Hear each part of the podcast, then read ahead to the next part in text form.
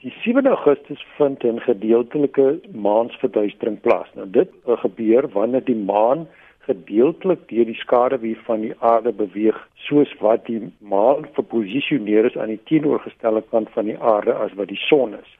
Nou om ongeveer 22 minute oor 7 die aand gaan die eerste aanduiding wees van die gedeeltelike maansverduistering Hy sê ongeveer 25% van die maan sal dan donker voorkom. Dit is nie 'n volle maansverduistering nie.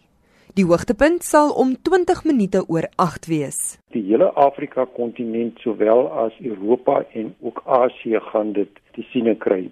Noord-Amerika, Kanada en gedeeltes van Suid-Amerika gaan dit glad nie sien nie want hulle is dan nog in die daggedeelte. So ons is gelukkig om dit in die aandgedeelte te kan sien en dan om ongeveer 20 minute oor 9 gaan die hele gebeurtenis verby wees. Dit is die tweede en waarskynlik laaste gedeeltelike maansverduistering wat ons in 2017 sal sien.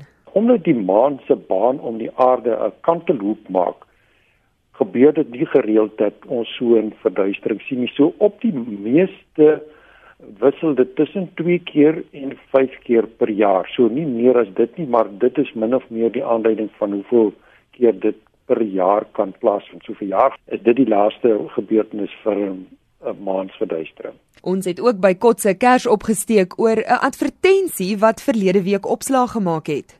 Die Amerikaanse ruimteagentskap, sowel as die Europese een, adverteer vakante poste vir sogenaamde planetêre beskermingsbeamptes.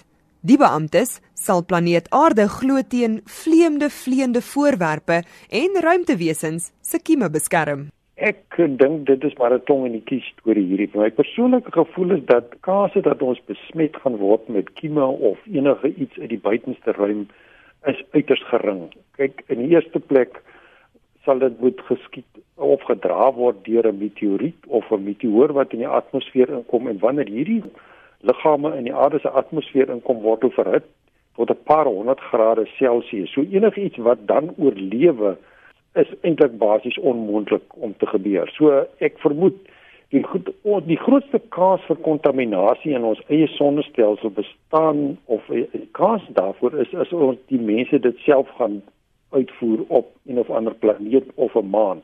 Die twee poste vir planetêre beskermingsbeamptes is in die FSA en Europa beskikbaar. Maar Kotse sê daar is nog nie so 'n pos hier op eie bodem geskep nie. Die hele idee van so 'n uh, pos of er is vir mense of vir agentskappe wat aktief betrokke is by die lansering van interplanetêre sendinge en ook satelliete wat miskien buite ons sonnestelsel gaan beweeg en nie om daardie omgewings te besoedel of met eie mensgemaakte uh, voorwerpe.